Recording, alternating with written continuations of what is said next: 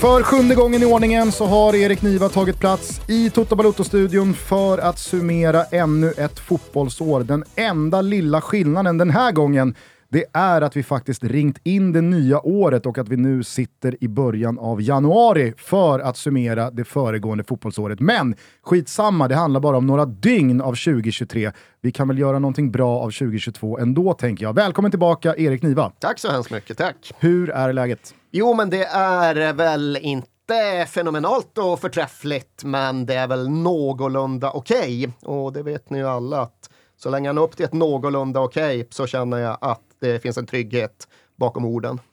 Thomas, som alltid eh, också redo att... Eh, jag, jag, ska säga det att jag lyssnade igenom då eh, fjolårets motsvarande avsnitt och då gick jag igenom liksom, förberedelseprocesserna mm -hmm. i avsnittet med Niva, mm. där du då hade sagt att serva bara till Niva så returnerar jag. Exakt. Jag hittar något bra på volley. Ni ja. spelar dubbel liksom. Gustav ja. ändå ganska bra första serve. Vi har fått en svag retur och då ska jag bara fram och döda vid nöt. Ja, är det så dina förberedelser har sett ut även i år? Alltså, 100% ja. ja jag är i mitt mindset på SD-cupen i Tyresö. Det är semifinaler och kvartsfinaler ikväll för tjejerna.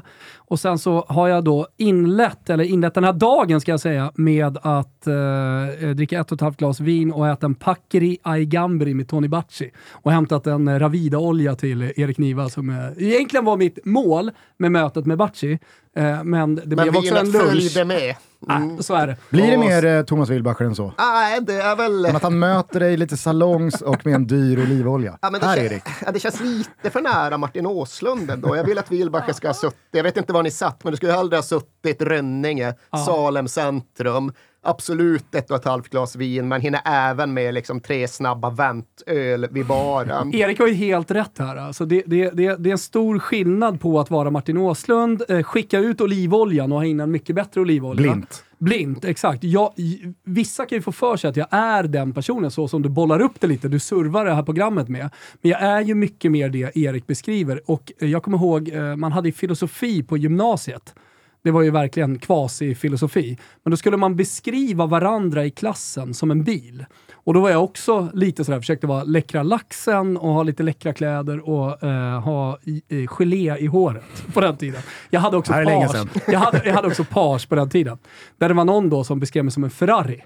Då, då klev läraren in och protesterade och sa, nej men jag tänker mer Volvo 240 nedsänkt, eh, en sån upphottad Volvo 240 med andra fälgar och sådär. Och det är det Erik säger också här lite mer. Jag, förstår, och, och jag skriver under på det. Förstår aldrig bilreferenser riktigt, men det känns väl rätt. Men du har väl det där, man måste ju få med och du har dina liksom österrikiska adelsanor och så har du liksom din italienska vurm och den förpliktigar ju. Det går ju inte att ha en italiensk vurm på ett trashigt sätt. Exakt. Det ska alltid vara liksom så förhöjt och förfinat. Men så har du ju också liksom Rönningebetongen och missar man den, alltså den känns ju som minst 60 procent av du. Det andra tycker minst. jag, ja exakt, det andra är väl 30. Det, det, det andra är ju mer eh, vad ska jag säga, garnityr på något ja, sätt. Alltså det, det, det som har blivit, men, men fortfarande, alltså personen som jag är, är ju liksom det är en, eh, i norra Botkyrka. Är nasseknackare I Gamla eh, stan. ja, exakt. Precis så. Uh, vattenfestivalen med, med Albygänget. Mm. Det, det, är mycket mer jag. Var du på helikopterplattan och röjde upp? Uh, nej, men mer Gamla stan definitivt. Uh, med, då hade vi hade ju svarta bomberjackor och uh, nassarna hade ju gröna. De hade killer boots, vi hade Dr. Martens. Så att, uh, alltså för men... de som är intresserade av gammal skinheadskultur, man får ge dem som benämner sig själva som sharpskins ett jävla dedikationspris för att i lite upprörd stämning runt helikopterplattan börja försöka då redogöra för nyansskillnaderna inom skinheadskulturen och få sagt att jag är då inte naziskin, jag är sharp skin. Mm. Skinhead against racial prejudices. Och det ser du på färgen på mina kängsnören och vad fan det nu med var som var signalerna. Det är ett högt pris att pröjsa för att fronta Sharpskins-rörelsen. Och sen ska jag också säga, alltså, vi pratar ju en del punk med, Iva, med Niva eh, i slutet av avsnittet när eh, hans eh, låt ska börja spelas. Alltså min storebror som är född 72, han var ju punkare tidigt 80-tal. Oh, Eh, eller på vågen 80-talet, nästan. alltså första vågen, Ja. punk, punkdunk, platta, eh, slog snutar på käften och hela liksom den vägen. Men är liksom Rågsved, Hagsätra, Ebba Grön-svängen? Han kom det från Kista, men det var där han hängde och det var där han var. Och det var liksom, han, han var, han var var punkare fullt ut. Jag kommer ihåg första gången jag var eh, på en maskerad när jag var nio år. Då hjälpte han mig med min eh, liksom, utstyrsel. Och då var jag punkare. Och så såg jag någon gammal bild för inte så länge sedan, något år sedan. Eh, då, då, då var det ju då Fuck the Police och 666 och ja, men så här, hela, hela, allt det där som jag gick på maskerad när jag var nio år gammal. Popkulturell cocktail. Men det var stor tuppkam och hela den biten. Man borde riktig punkare. göra det någon gång. Ni borde, eller ni eller någon borde göra någon typ av temaavsnitt liksom. Punken, Rågsved, söderort 81 i relation till vår värld idag. För vi vet ju Billborn, han har ju liksom sina kopplingar, han kommer lite senare. Men nu när Robert Pärlskog är bokaktuell så noterade jag att ganska mycket så valde han ju att prata just om en bakgrund i just den rörelsen. Och Ishizakis, familjen Ishizaki måste jag varit där och tafsat, jag. På- på ett- Det är mer kock, japanska kockerier. Exakt. Och, ja, ja, Exakt, ja. det slutade mer i sashimi än någonting Men annat. är, är brorsan som kör sushi shu? Ja, Ja, eller ja. alltså Ja, han high-end är sushi. Ja, okej, exakt. ja. Nej, Men de är brorsor. Ja, eh, efter denna inledande psykoanalys av eh, Thomas Wilbacher och eh, lite märkligt rotande i eh, familjen Ishizaki eh, så kan vi ju bara fortsätta med eh, vad som är eh, dagsaktuellt eh, vad gäller Eriks eh, förehavanden i poddsvängen. För på tal om Dr. Martens så har jag en timme kvar på del två av då Guys 2011-2012 som är det senaste eh, When We Were Kings-avsnittet tillika det senaste önskeavsnittet. Det blev eh, inget avsnitt om FC Lenny Takes Fantasy Premier League-säsong Det finns en 1920. gräns för hur mycket man tillåts manipulera. Du är Ja. på fel sida, guys är på rätt. Jag fattar det. Men varför jag tar upp det här är för att när jag då lyssnade igenom vårt avsnitt i fjol så eh, hintade de att eh, tiden, eh, framtiden för eh, When We Were Kings är utmätt. Du vill inte säga mer än så. Har någonting liksom förändrats kring det förutom att eh, det faktiskt har gått ett år? Nej, ett år har gått så klockan tickar nu lite snabbare, men den är fortfarande inte Nedräkningen är inte officiell. Vi har liksom inte countdown på Times Square eller Sergels torg riktigt ännu. Men tiden är utmätt och tidsplanen ligger fast. Vad tror du om Toto Balutto? Eh, alltså nu är ju Gusten så liksom färgad, så smittad, så entusiasmerad av att jobba i par med Olof Lund. Så han har ju förstått... Känn- jag känner det ja, här exakt. också nämligen. Det behöver inte vara destruktiv dekadens på pizzerian i Rönninge. Det finns en annan väg att arbeta. Värdigare väg. Ja, det är dina ord. Nej, det är Gustens ord. Eh, så, nej men vad fan.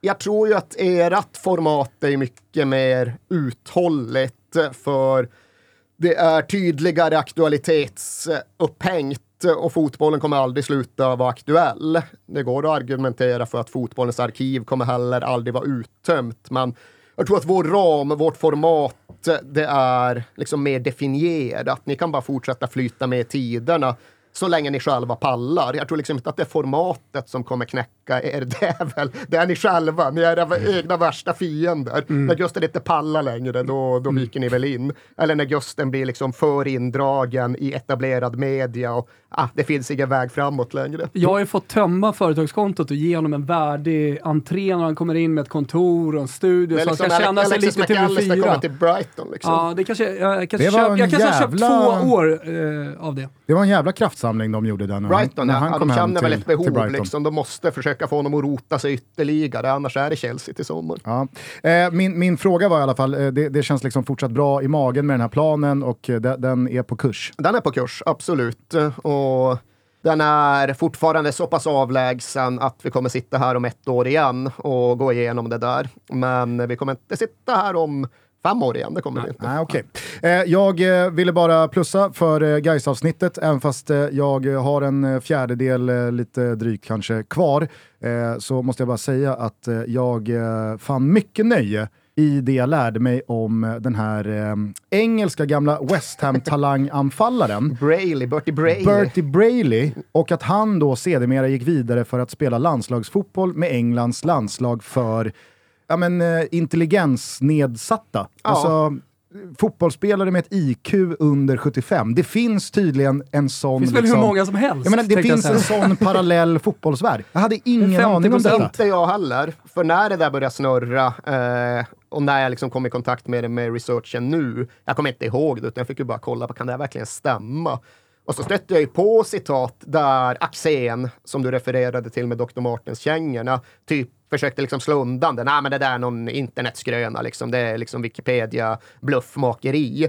Och det tror jag väl bara var ett sätt att försöka deflect the issue, att få diskussionsämnet att försvinna. För när man sen faktiskt kollade på det så var det ju precis så som det var sagt. Det var inte riktigt så som du återgav, för han gick inte vidare från provspel i Gais och började Nej, nej, representera. precis. Men han har under Han- sin karriär varit en Exakt. del av det här Han hade redan landslaget.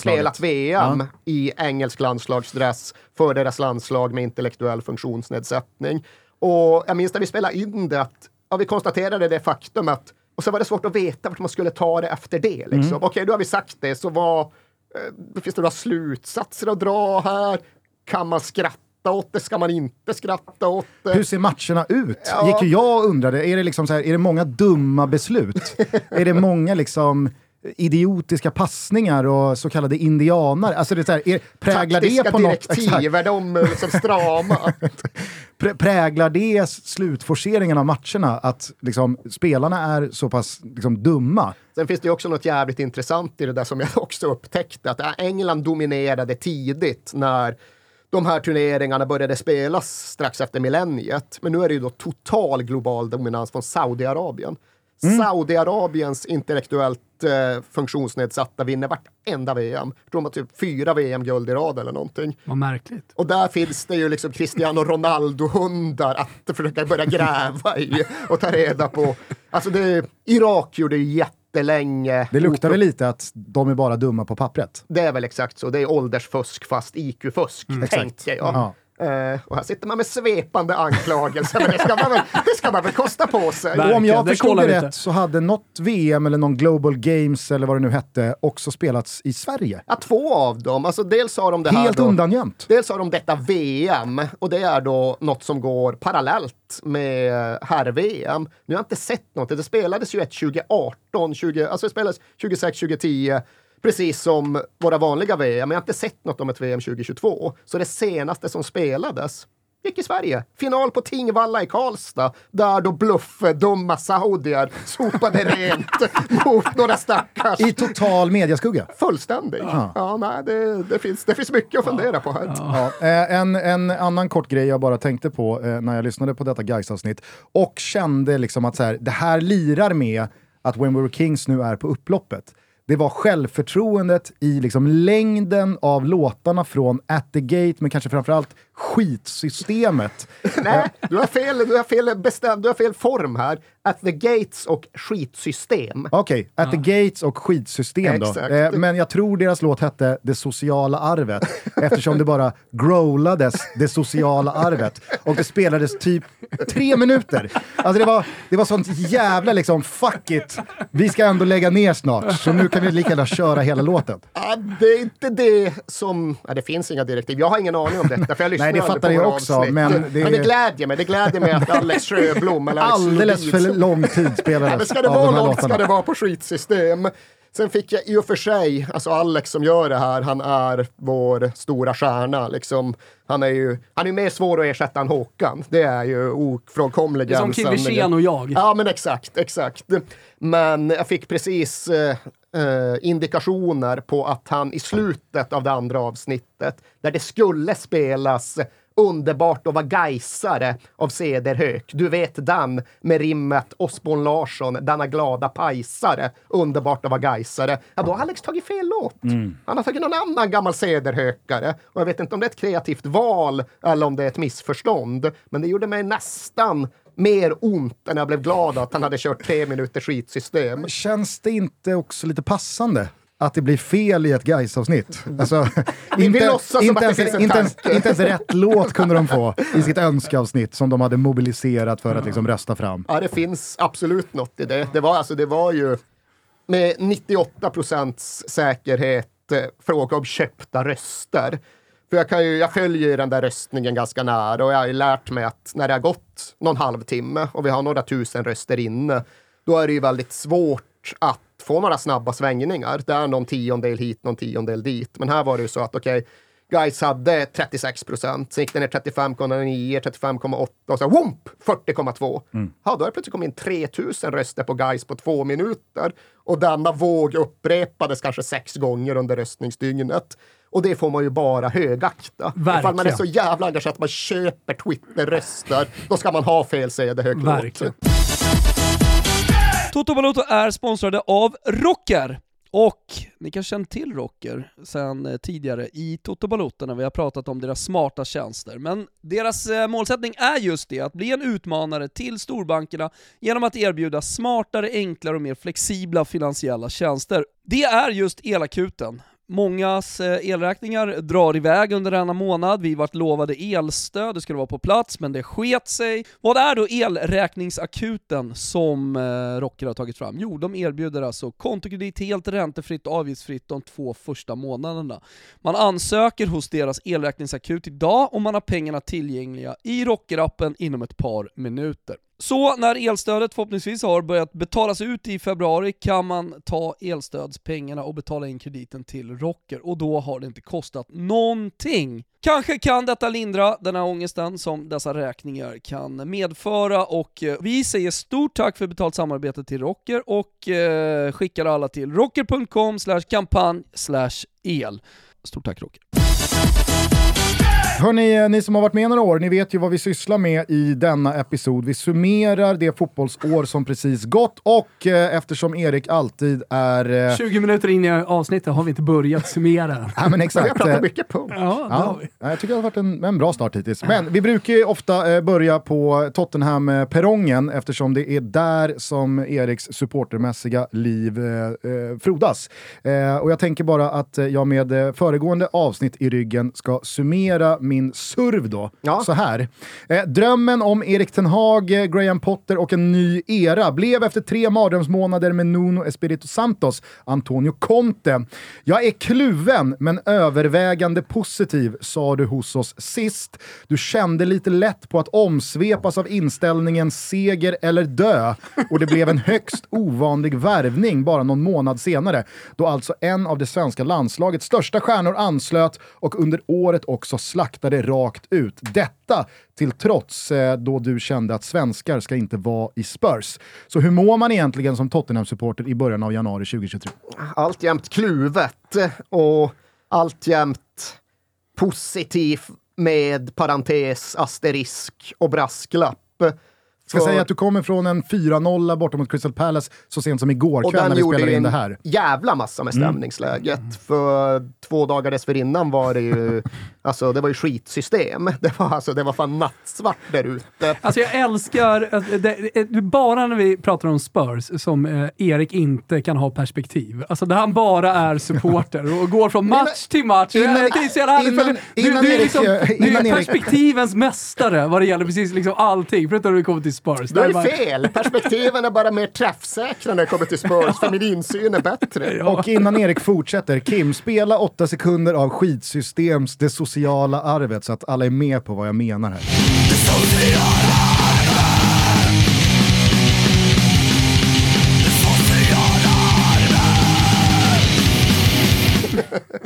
Upp, uppfriskande. Mm. Nej, men vad fan summera Spurs? Det finns ju mycket att ta på, men det är klart att man måste väl börja och sluta. Man måste inte börja och sluta på Conte, men man lär väl börja där. Och grejen är ju att det vi har fått av Conte på ett år är mer än vad jag trodde vi skulle få. Definitivt. Jag trodde inte att vi hade en fjärde plats och därefter ju faktiskt en gruppseger i Champions League inom räckhåll. Jag trodde inte heller att vi skulle ligga och toucha topp fyra nu heller, men det är ju då sett ett år tillbaka i tiden. Det gick ju så jävla bra så snabbt att hade du frågat mig i somras så hade jag väl köpt in mig på Mirakelmannen-konto och trott att det mm, verkligen mm. var grejer på väg att hända. Nu är väl min övergripande känsla, trots 4-0 mot Pallets, trots Fifa 0-2 hemma mot Villa, att hela konteperioden är ju i högre utsträckning än When We Were Kings redan på väg att ta slut. Vi har nog det mesta av Conte redan nu. Jag tror att vi kan få en jävla, jag vet inte om jag ska säga dödsryckning, men en jävla liksom triumfsväng till i någon av kupperna under våren. Potentiellt sett. Vi kan gå långt i FA-cupen, vi kan fan gå långt i Champions League ifall vi har lite medstuds. Men ska jag gissa så tror jag inte vi sitter här om ett år med Conte. Utan då tror jag att vi har bytt tränare. Men jag tyckte, jag tyckte det var intressant, eh, eller den senaste veckan, bortom eh, prestationerna och resultaten, så tycker jag det är intressant att ha hört eh, Contes presskonferenser, intervjuer, där han då dels pratar om målsättningen, förväntningar som supportrar borde ha på laget, och han själv i, de, i de förväntningarna. För att det senaste som jag såg i, i Gazettan var att eh, alltså för mig handlar det om att köpa att vi inte kommer vinna. Mm. Eh, eller så, eller så här, eh, jag köper att vi inte kommer vinna och då kan jag liksom fortsätta vara här och fortsätta att bygga, konstruera. Va, liksom, så här, by, det här laget behöver byggas över tid för att bli någonting långsiktigt. Och eh, då måste jag acceptera det. Det andra var då, eh, sett till eh, förväntningarna, att eh, det här laget är fyra, till, alltså fyra mirakel fem, sex, kanske rimligt, sju underbetyg. Var han också ganska tydlig med. Ja, och det tycker jag att han hade allt fog för att säga för ett år sedan. Mm. Det var fan ett smärre mirakel att vi gick från fjolårets januari månad till en Champions League-plats. Och det var ju mycket Det var han tydlig med att säga också. Ja, jo, jag noterade detta. Och det är ju också en grej med Conte att redan för ett år sedan, kanske mer än någon annan gång, så höll han ju på januari 2022 och liksom ja, men nästan vända på klacken och knalla bort från Spurs redan där och då. Det var fem raka förluster, hade aldrig hänt honom tidigare. Maybe I'm not so good. Ja, det här det. är ett omöjligt uppdrag. Och då var ju känslan sådär att jo, men vad fan, du har haft två förhandlingar med den här klubbledningen. Först valde du att avstå, tre månader senare valde du att kliva på. Vad trodde du? Mm. Där var lite den känslan att du kan inte kliva på och liksom föra med en retorik där du gör hela klubben en sån oerhörd tjänst och välgärning och sen bara komma dragandes med att förväntningarna och det du nu har köpt in dig på är något helt falskt bara några månader senare. Och det finns väl alltjämt lite den där känslan av att det han själv beskriver är sånt han borde liksom vara mest klar över av alla. Det är liksom som att han hela tiden upplever det som att han har köpt in sig på något som inte var det han trodde. Han har fått förutsättningar som var något annat än det han brukar ha. Det här är ett jobb han har som inte är på gränsen fått spelare. Vilket han ju fick. Alltså, de slutade fyra och det var otroligt. Att från den punkten gå igenom en transfersommar där han fick det mesta. Det är ändå mer än en miljard spenderade och det är liksom en profil av spelare vi inte brukar värva. Och tycker jag då, liksom fullt rimligt att tänka sig topp fyra. Alltså det har varit... Tabellen är helt okej. Okay. Champions League jättebra, men prestationerna de senaste tre, fyra månaderna har ju inte andats framtid, så kan man ju säga. De har heller inte andats de resultaten. Nej, och det är vi har det vi, alltså, oproportionerligt alltså, mycket poäng. Jag och Thomas har pratat väldigt mycket Tottenham och Antonio Conte senaste tiden, så jag, jag tycker inte vi ska bli alltför långrandiga. Det tror jag inte våra lyssnare eh, uppskattar till 110%. Men det tycker jag är liksom den, den, den stora grejen med Contes Spurs den här säsongen. Att jag köper att spelare för spelare, om man tittar till materialet, nej men då kanske liksom eh, Tottenhams glastak är fyra. Får man jätteträff så kan man bli trea. Ja. Men, Nej, har man, men har man lite stolpe ut och det går lite emot och man har någon skada som, som blir kostsam, ja men då kan man komma sjua. Absolut. Problemet är ju, tycker jag, och, och det är väl det väldigt många andra också eh, verkar eh, känna, det är ju att Tottenham har nått de här resultaten utan att spela på någon slags topp av sin förmåga. Man använder inte resurserna man har i den där truppen, för man kan se att de här spelarna borde kunna, mot ganska beskedligt motstånd i väldigt många matcher, spela en mer eh, övertygande fotboll för framtiden som också liksom utvecklar laget och tar dem framåt, än att man liksom med väldigt svajiga insatser gräver fram hokus pokus resultat. Besvikelsen är ju mycket ja, men ställd i relation till det Conteslag presterade förra våren. Vi blev ändå så bra så pass snabbt och då kunde vi verkligen städa av motståndare, springa över motståndare Och att därefter få en hel sommar med hans stab, få en transferperiod där han fick det mesta och sen uppleva att ja, men nu är det ju mycket sämre. Det är liksom objektivt ofrånkomligen sämre än det var i våras. Några skador har stökat till det, men truppen, laget är ändå bättre. Och man landar väl bara alltid i den här känslan att ja, men, ska man bygga över lång tid, ska man ha ett projekt, ska man gå den vägen som jag tror Spurs behöver gå, då är det ju svårt att tro att Antonio Conte är rätt man. För han verkar inte vilja, han verkar inte kunna, han verkar just inte köpa in sig på att det har varit idén hela tiden, utan det är något som har träffat honom med överraskning och fått honom förbryllad och besviken. Men det är just utifrån ja, någon form av spåkuleperspektiv. Här och nu så har ändå Conte givit oss mer positivt än han har ställt till det. Och framförallt i den match-going support, alltså in i matchen mot Crystal Palace igår, då vi kommer från det jag står fast vid var en av våra sämsta hemmamatcher sedan 2014. Ja, men det är viktigt att ha med sig också, alltså, det är en av de sämsta matcherna. Det, det är inte signifikativt för Tottenham under Antonio Conte. Nej, alltså att det är någon uh, Nej, standardprestation. Nej, det, ja, men det, det, det blir ju lätt att se det utifrån, uh, utifrån perspektivet här att man har uh, då, uh, enligt många, enligt Gusten, spelat dåligt så att säga och ändå lyckats få med sig poäng. Och så kommer den prestationen mot Aston Villa och så blir det en, eh, alltså, sym, eh, symboliskt för att ja, men det är dit eh, Spurs är på väg, mm. ner i Hades. Men jag, jag, jag, jag tror ju snarare liksom att Conte jobbar på det här, att truppen är sammansvetsad, att det inte finns några sprickor i omklädningsrummet så att säga, och att laget kommer bli bättre under våren. Ja, laget reagerar det, det, det, det blir, det, Jag tror ju att de kommer reagera och när, skad, när nyckelspelare kommer tillbaka kommer de bli bättre. Så jag tror, jag tror ju mer på att Spurs kommer närma sig det Eh, man var för ett år sedan när allting var frid och fröjd, snarare än det som eh, Team Gusten här äh, går emot då, att så här, ja men vadå? Allting är ju bara på väg neråt och det har vi ju sett på prestationerna. Någon form av så här XG-sanning som man gör hela tiden idag. Mm. Att så här, man kollar på XG och säger, ja men kolla, de har fått fler poäng än vad man borde ha fått. Milan har ju, har ju, lever ju liksom under samma press lite grann. Mm. Att de vann scudetton, trots att de borde inte ha vunnit, för kolla på XG. Mm. Och mm. den sanningen ligger ju lite över, över Spurs just nu också. Men jag tror ju att eh, det snarare blir då en effekt av arbetet som laget gör nu under Conte och att vi kommer få en reaktion på det här och att det kommer se bättre ut. Det, jag tror att det är där vi skiljer oss mest. Ja, det va, va, alltså i vår spåkula lite grann. Mm. Ja, det jag skulle säga var bara att trots då den prestationen, trots att det varit jävligt deppigt runt laget även före VM, så går de in på Sellers Park och det första som hände är att den fulla borta sektionen skanderar Antonio, Antonio. Och det är ju värt någonting. Det är ju en jävla liksom vote of confidence, ett förtroende besked. Och jag tror också att det inte är en tillfällighet att vi får fler poäng än vad spelet ofta berättigar till, utan det är ju ett lag som i hög utsträckning gör det Lasse Lagerbäck uppskattar mer än något annat.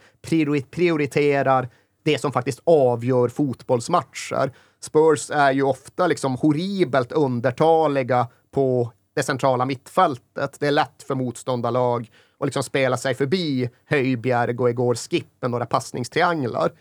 Är det hela jävla världen? Nej, Conte tycker nog inte det. Lasse Lagerbäck tycker nog inte det, för det är i straffområdena det verkligen är viktigt. På så sätt kan man få lite extra många poäng.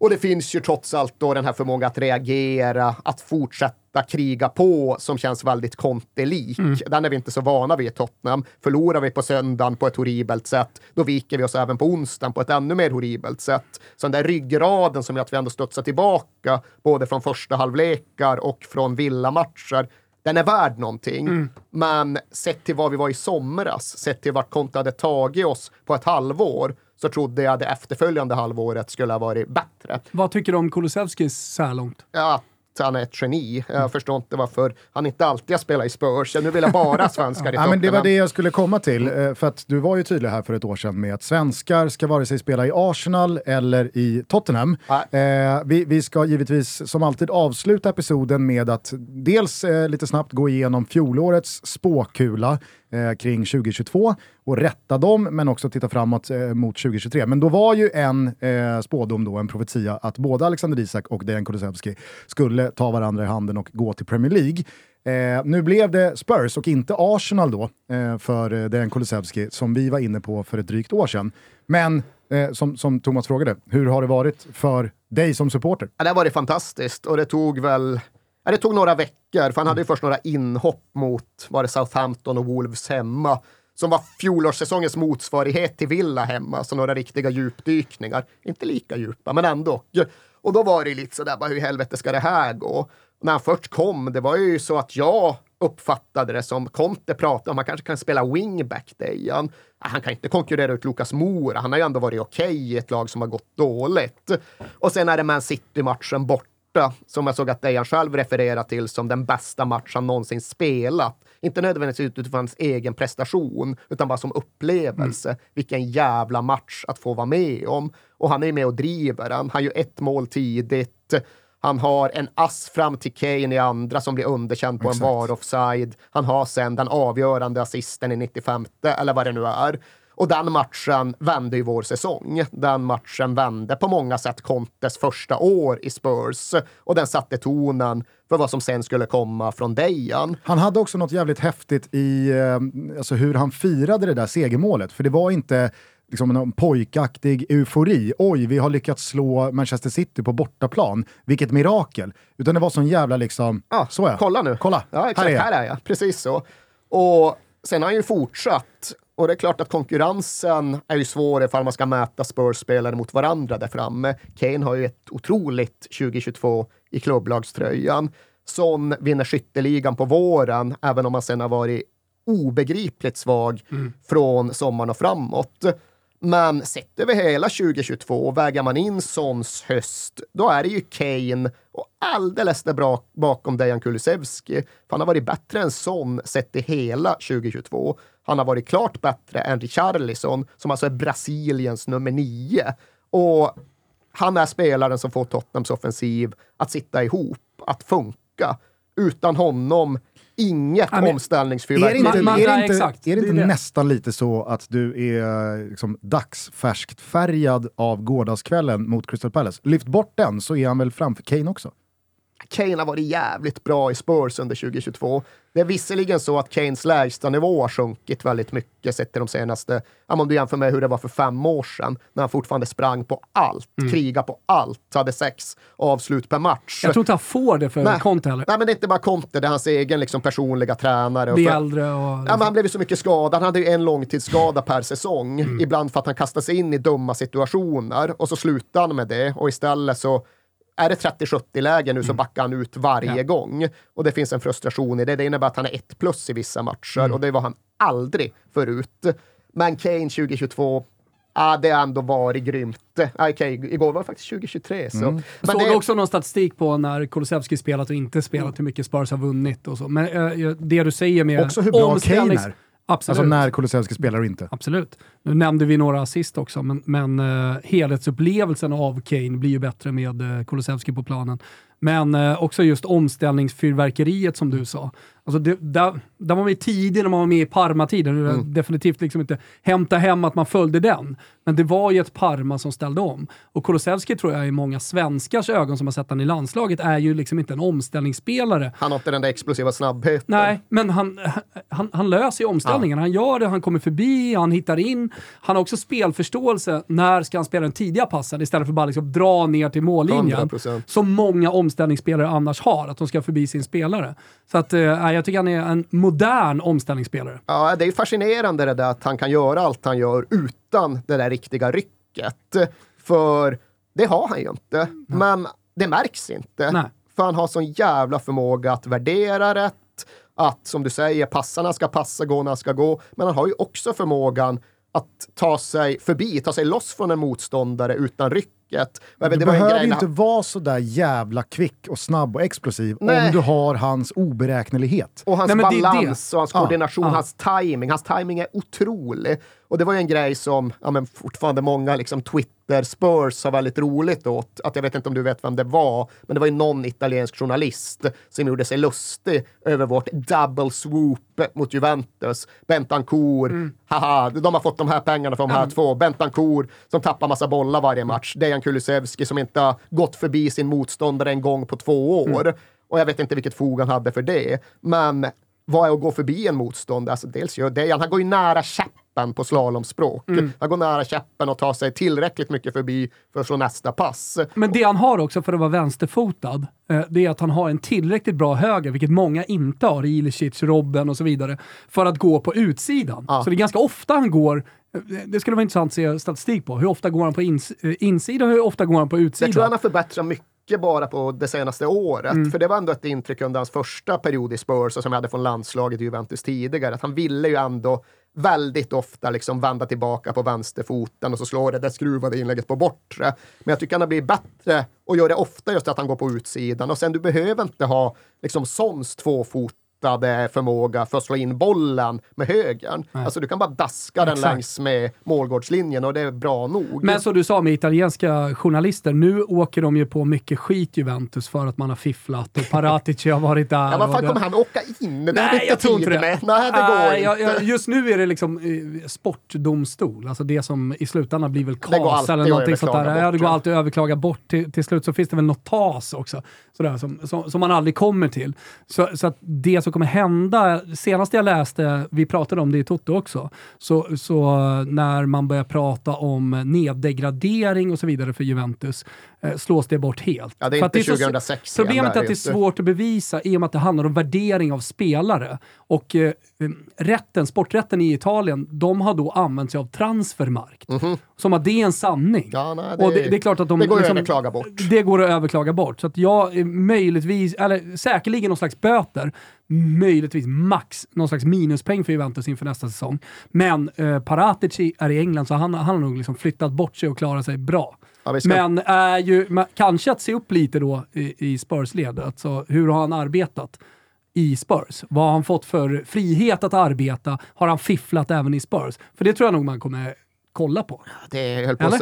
Vi ska inte fastna i Nej, Spurs som Gusten nej, säger, nej. men vi hade ju en period mellan sig Ja, men mellan 2017 och 2022, alltså en femårsperiod då Spurs spenderar, nu kommer jag inte ihåg, men säg 4 miljarder spänn, noll lyckade rekryteringar. Mm. Det går du och argumenterar, ja men Höjberg, ja Höjberg, 3 plus Mm. utifrån prislapp och förväntningar. Men annars hade vi noll lyckade rekryteringar under en femårsperiod. Hur många?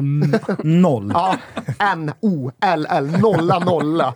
Och det var ju liksom det som tog oss från Pochettino Spurs till Mourinho Spurs. Det var liksom en jävla massa dåliga vägval i allt som klubben tog sig för. Men det var även en rekryteringspolicy under Paul Mitchell, denna jävla halvfigur, som gav oss noll lyckade rekryteringar. Paratici kommer in, första fönstret Dejan och Bentancourt för låga pengar. Eh, andra fönstret, ja, Conte kan säga att det är ingenting eller det är jättemycket, men det är ändå ett sätt att värva som vi inte är vana vid. Richarlison kommer såklart göra mycket nytta. Ja. Perisic är lite underwhelming, men han är ju ändå bra. Mm. Jed Spence, ja, det är ju inte Contes värvning, får se om han någonsin får spela fotboll. Men det händer positiva saker Bissouma med har väl varit den stora besvikelsen, men det var ju en spelare som eh, många ryckte i. Ja, Hur mycket värvades han för, Gusten? Ja, ja, så där har jag fått bassning, men det kan inte vara, det kan inte vara 300 miljoner. 28 miljoner pund. Nej, det kan inte vara, det är, det är såklart mer än så. Ja, nej, men det, ja, det kanske finns det. Kan ju liksom, han var ju fattar ju alla. Men det jag skulle Han har säga varit med... ett plus hittills, så det Varför Thomas, varför, Thomas så sa som han, länge. ja, eh, var, varför Thomas sa som han gjorde var för att jag har refererat till liksom, det är över halvmiljarden och så har några lyssnare rättat mig här Ja. senaste tiden. men när det har pratat, direkt. eh, Men. Paratici har ändå gjort bra saker, Ja. så har han fifflat lite längs vägen. Ah, fan, vi kör Med framåt. tanke på hur fotbollsvärlden ser ut, men det jag skulle säga, med, det är precis som du säger, det var mycket, ja, men, ingen brydde sig väl om Bentancourt och, och eh, Kulusevski lämnade Juventus. Men nu får ju Juventus ganska mycket skit på grund av fifflet och eh, skit för allting egentligen. Mm. Så det är populärt att skriva negativt om Juventus. Och nu får man ju också då skit för att man släppte just Kulusevski. Det skrivs inte så mycket om Bentancourt. Ja, men men ska- Kulusevski definitivt. Så fort han gör en bra prestation, då eh, är, är de italienska tidningarna på det. Ser vi till hösten, som han spelas innan VM, då var det ju Kane och, eller Kane och Bentancourt. För Dejan han ju spela så lite, så då skulle ju faktiskt han hållas ännu högre. Mm. Sett över hela året Kane och Kulusevski, men bara hösten var ju Bentancourt starka 4 Och det är där Juventus har lite problem i och med att man inte haft Chiesa, man har haft eh, svaga defens eller defensiva, men svaga eh, centrala eh, mittfältare. Paratici är ju sugen på både Rabiot och McKennie. Alltså de kommer ju vara fantastiska. Jag såg McKennie, väldigt mycket away. Premier League på honom och så då att McAllister skulle komma till eh, Juventus, att det ska vara någon slags första val. Brighton är smartare än så kan jag ju säga. Det tror jag nog. Toto Balotto är sponsrade av Circle K och nu hörni är det lite tävlingstider. Jajamensan, tillsammans med Circle K så eh, kör vi lite contest eh, här i december. Och för att vara med och tävla, ska jag bara säga tidigt här nu, så måste man vara medlem i Circle K Extra. Men det vill ju alla vara, för det är ju förmånligt. Till exempel då, så kan man ju tanka och betala med kortet som är kopplat till Circle K Extra. Man kopplar alltså sitt kort under perioden 29 december till den 4 april 2023. Och gör man det, då är man alltså med. Det räcker. Vinsten är ett presentkort på Circle K värt 500 kronor och kan inte bytas in mot kontanter. Eh, Circle K Extra är alltså Circle Ks medlemsprogram och som medlem blir livet längs vägen, och det kan jag verkligen skriva under på själv, extra bra. Några av fördelarna för att vara konkret. Du får 25 öre rabatt per liter i tre månader när du ansluter till Circle K Extra med valfritt bank och betalkort första gången. Därefter får man 15 öre rabatt per liter. Bara där är bra. Var sjätte kopp kaffe och var sjätte tvätt på köpet. Jajamensan, det får man på köpet. Och en varmkorv kostar alltid 15 kronor. Som sjätte tvätt, och som du har nått dit då, då erbjuder Circle K dig deras premiumtvätt dessutom. Och man behöver inte hålla räkningen själv för Circle K de mässar när det är dags. Så vad är det man behöver göra för att vara med och tävla? Jo, du behöver bara göra Circle K till din bensinstation och ansluta ett kort och gå med i Circle K Extra. Vinsten är ett presentkort på Circle K värde 500 kronor. Och detta sker alltså varje vecka under den här perioden. Är inte det otroligt? Så att eh, det är bara att gå med i Circle K Extra. Vi säger stort tack för att ni är med och möjliggör Toto Balotto. Eh, kort bara eh, innan vi, vi eh, lämnar eh, Spurs och eh, Dejan för gott kanske den här episoden. Eh, det var ju inte bara han som stor svensk landslagsspelare som gick till Premier League. Även Alexander Isak eh, lämnade Real Sociedad och La Liga för Newcastle för över 700 miljoner kronor. Fick ju en eh, sagolik start med mål direkt på Anfield borta mot eh, Liverpool, men skadade sig efter match två. Jag tror att det var något deppigt kryss, eh, Bournemouth eller Fulham. Något i den tre stilen. matcher, han han inte. Han tog ju en straff och slog in den i hemmadebuten. Och det var ju också så här, fan nu är jag här. Exakt. Men sen blev det någon deppig skada, jag tror det var tre matcher. Äh, skitsamma. Ja, eh, vad, eh, vad gjorde den värvningen med dig? Eh, alltså många, många saker att liksom reda i här. Dels finns ju ofrånkomligen hela Saudi-dimensionen. Och den blev på ett sätt orättvis mot Alexander Isak för att den kom just under den allra mest intensiva debatten om internationell sportswashing. Så han fick ju det mycket hårdare i nacken än någon annan svensk fotbollsspelare har fått. Stensson skulle väl säga att han är värre granskad. Men Isaks övergång blev tydligare färgad av den dimensionen än vad som tidigare har skett. Och den finns ju kvar. Emil Krafts eh, kontraktsförlängning, den var inte riktigt lika kritiserad. Fan, man glömmer bort att Emil Kraft är kvar i ekvationen runt ett Champions League-jagande Newcastle. Men med det liksom ändå intaget och redogjort så kändes det ju ja, men jävligt spännande. Det känns ju inte som en gjuten succé, för det finns för många frågetecken och det fanns definitivt när värvningen blev klar. Men det känns ju också som att det finns en sån jävla potential för att han ska kunna bli förgudligad på Tyneside. För de har ju den grejen att de älskar de sina, men de älskar inga som de älskar sina centerforwards, sina nior. Okej, Isak har väl 14, men vad fan, ni fattar. Skulle han kunna ta den där platsen och följa med Eddie House lag uppåt mot Champions League, mot titlar, då skulle han ju bli hållan på en höjd som ingen svensk har blivit internationellt sedan Henrik Larsson i Celtic. Han skulle bli så älskad. Och där finns det ju en jävla kittling. Att här det, kan det komma en svensk och verkligen skriva historia och verkligen liksom bli staty utanför en arena. Och det kommer ju inte Victor Lindelöf bli, även om de spelar på ungefär samma prestationsnivå. Man United är en större klubb. Jag eh, håller med dig om att det finns inga liksom, succégarantier, men det, det man vet är ju att det bor ju någonting helt annat i Alexander Isak än vad det gör i Chris Wood eller Callum Wilson. Alltså, det finns ju växlar i 100%. Alexander Isak som korrelerar med växlarna som Newcastle som klubb lägger i. Så är det. Och sen har det ju blivit jävligt märkligt utifrån just Alexander Isak-horisonten. Att så fort han blir skadad så börjar Newcastle vinna varenda jävla match de spelar.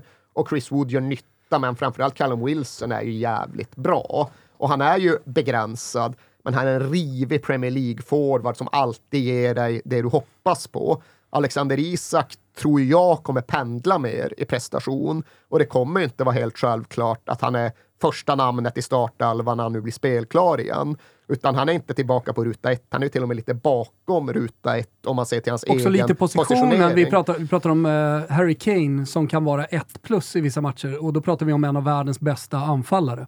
Alltså det, det är ju också lite för nummer nio-positionen att inte alltid, man är så beroende av laget och lagets prestation också. Mm. Och att där kommer också Alexander Isak göra vissa sämre matcher kanske. Eller, Callum ja. Wilson är sällan ett plus, Ja, det är sant. faktiskt. Det är. Det, han är två, Men han gör ju också jobbet väldigt Ja, mycket. nej, men men det det gör ju. Alexander också. Det gör han. Callum. Wilson är ju ännu mer sällan 5 plus. Callum Wilson är en 3 plus forward Men vilken jävla League. debut han hade i Isak ändå. Tänk om det andra målet inte blir bortdömt. fan.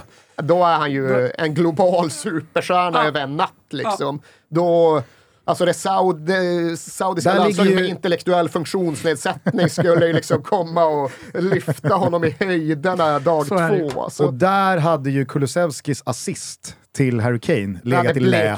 Alltså, när, eh, när Alexander Isak vänder bort, om det är Robertson eller om det är Trent eller Ja. ve- vem Ja, det det, nu är. det, han kommer från vänsterkant så det är väl Trent och Matip kanske. Nej, men alltså, Ja, när man och bara ser Alexander, smackar upp den. Alltså, det När man ser Alexander Isak göra den typen av prestationer, han har ju några matcher, vi var ju på plats när Real Sociedad slog eh, Bilbao. Athletic Cl- Club de Bilbao för att liksom, göra Kviborg glad.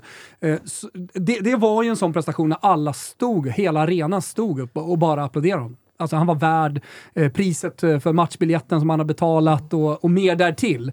Egen show på planen. Så var ju debuten. Ja, alltså från det att han slog in det som då skulle vara 2-0 målet, det som var en uppgradering av hans eget 1-0 mål. Alltså punkten är när, precis när den bollen går i nät, till, ja sen dess har ju faktiskt det allra mesta gått fel, både i smått som i stort för just honom. för matchen, Alltså till att börja med, ja, målet blev underkänt. Ja, det var ju helvete. Sen blir han utbytt. Ja, men han har väl sprungit klart. Trist. Och sen gör Liverpool ett jävla segermål i 98 eller vad det nu var. Så då försvinner ju även minnet av hans första mål. Det blev inte värt något, det blev inte värt någon poäng.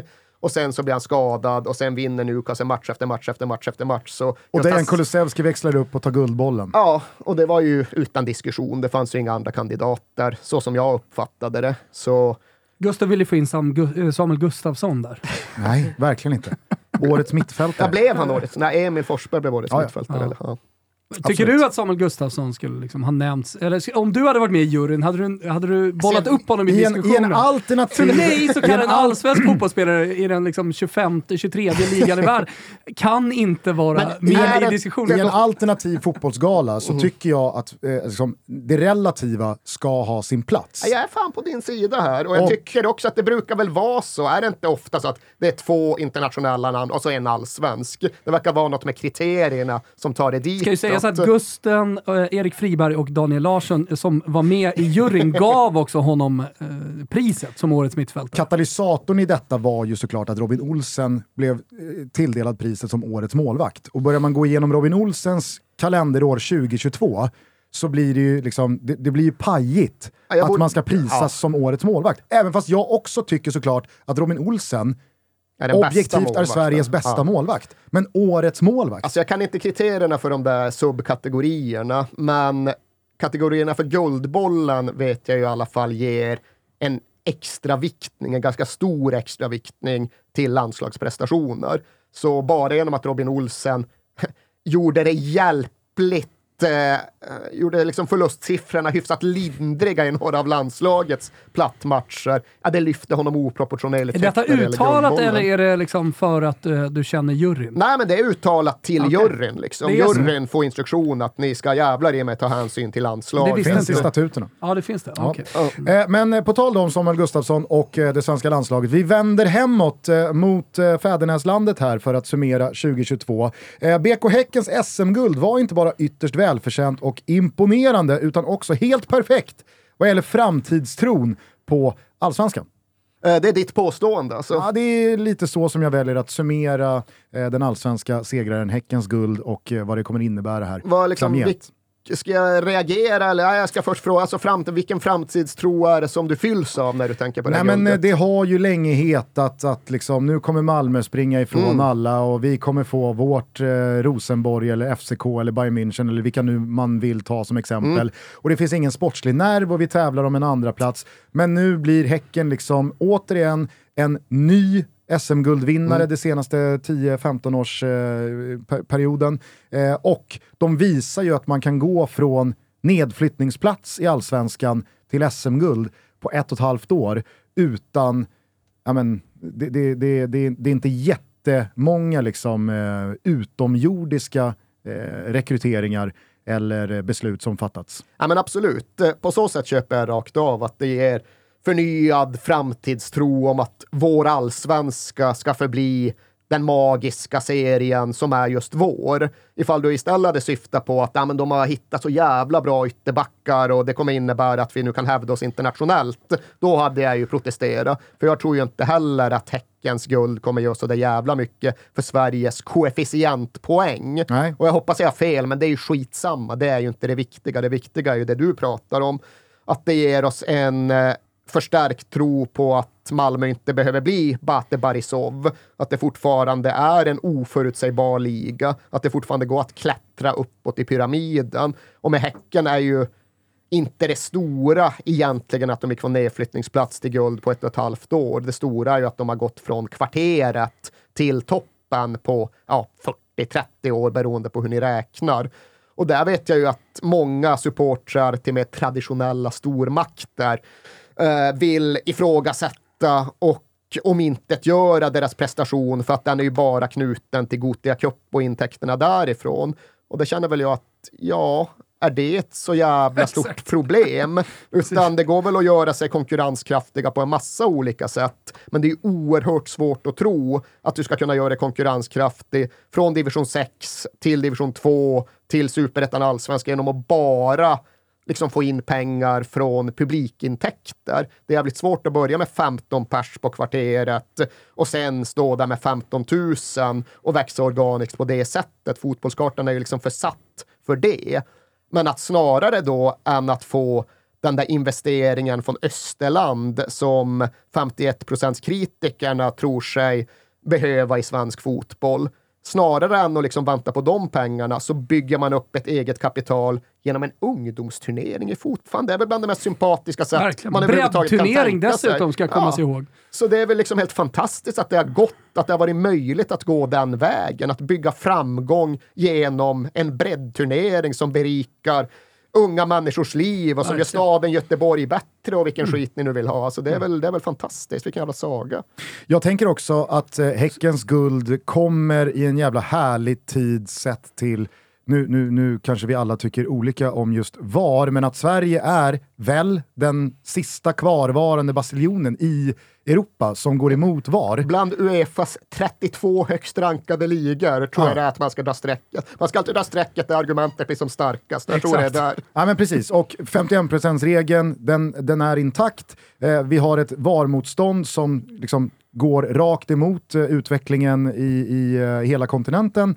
Eh, och på det så vinner en klubb sitt, en riktig klubb inom citationstecken, inte någon liksom Ja, men om man ser utomlands att någon har kommit in, dopat den ekonomiskt med hur många hundra miljoner som helst på några få år. Ja, men exakt.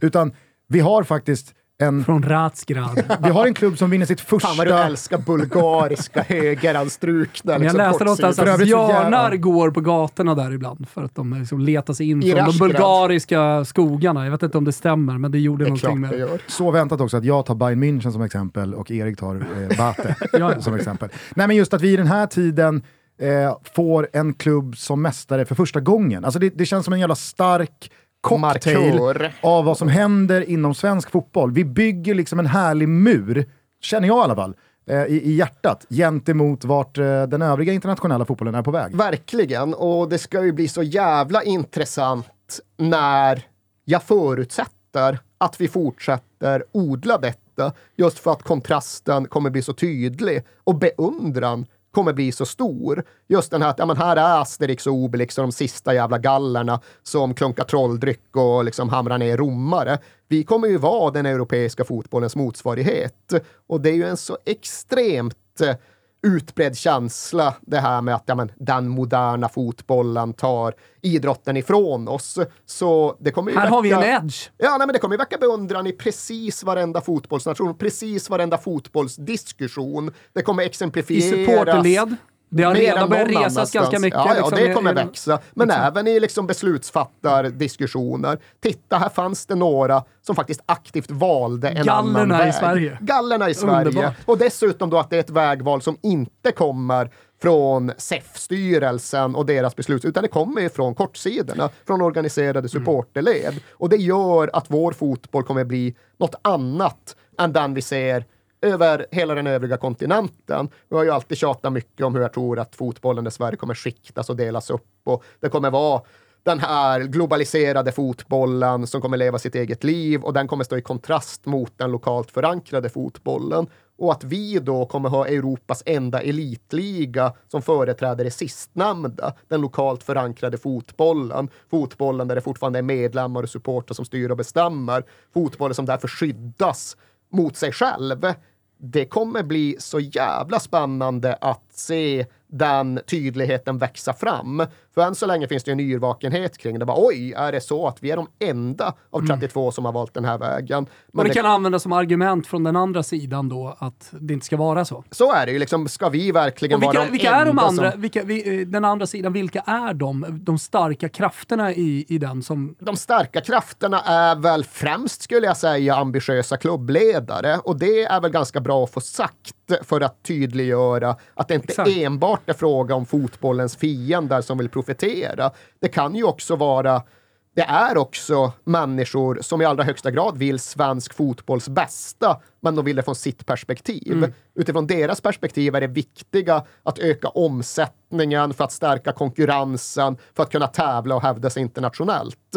Och är det dit man vill, är det det man avser när man just pratar om Häcken som en framtidstro eller en anledning till att tvivla framgent, ja, då är det ju liksom begripligt att man tycker att vi går i fel riktning. Vi strävar emot, framtidståget går, vi står kvar på perrongen.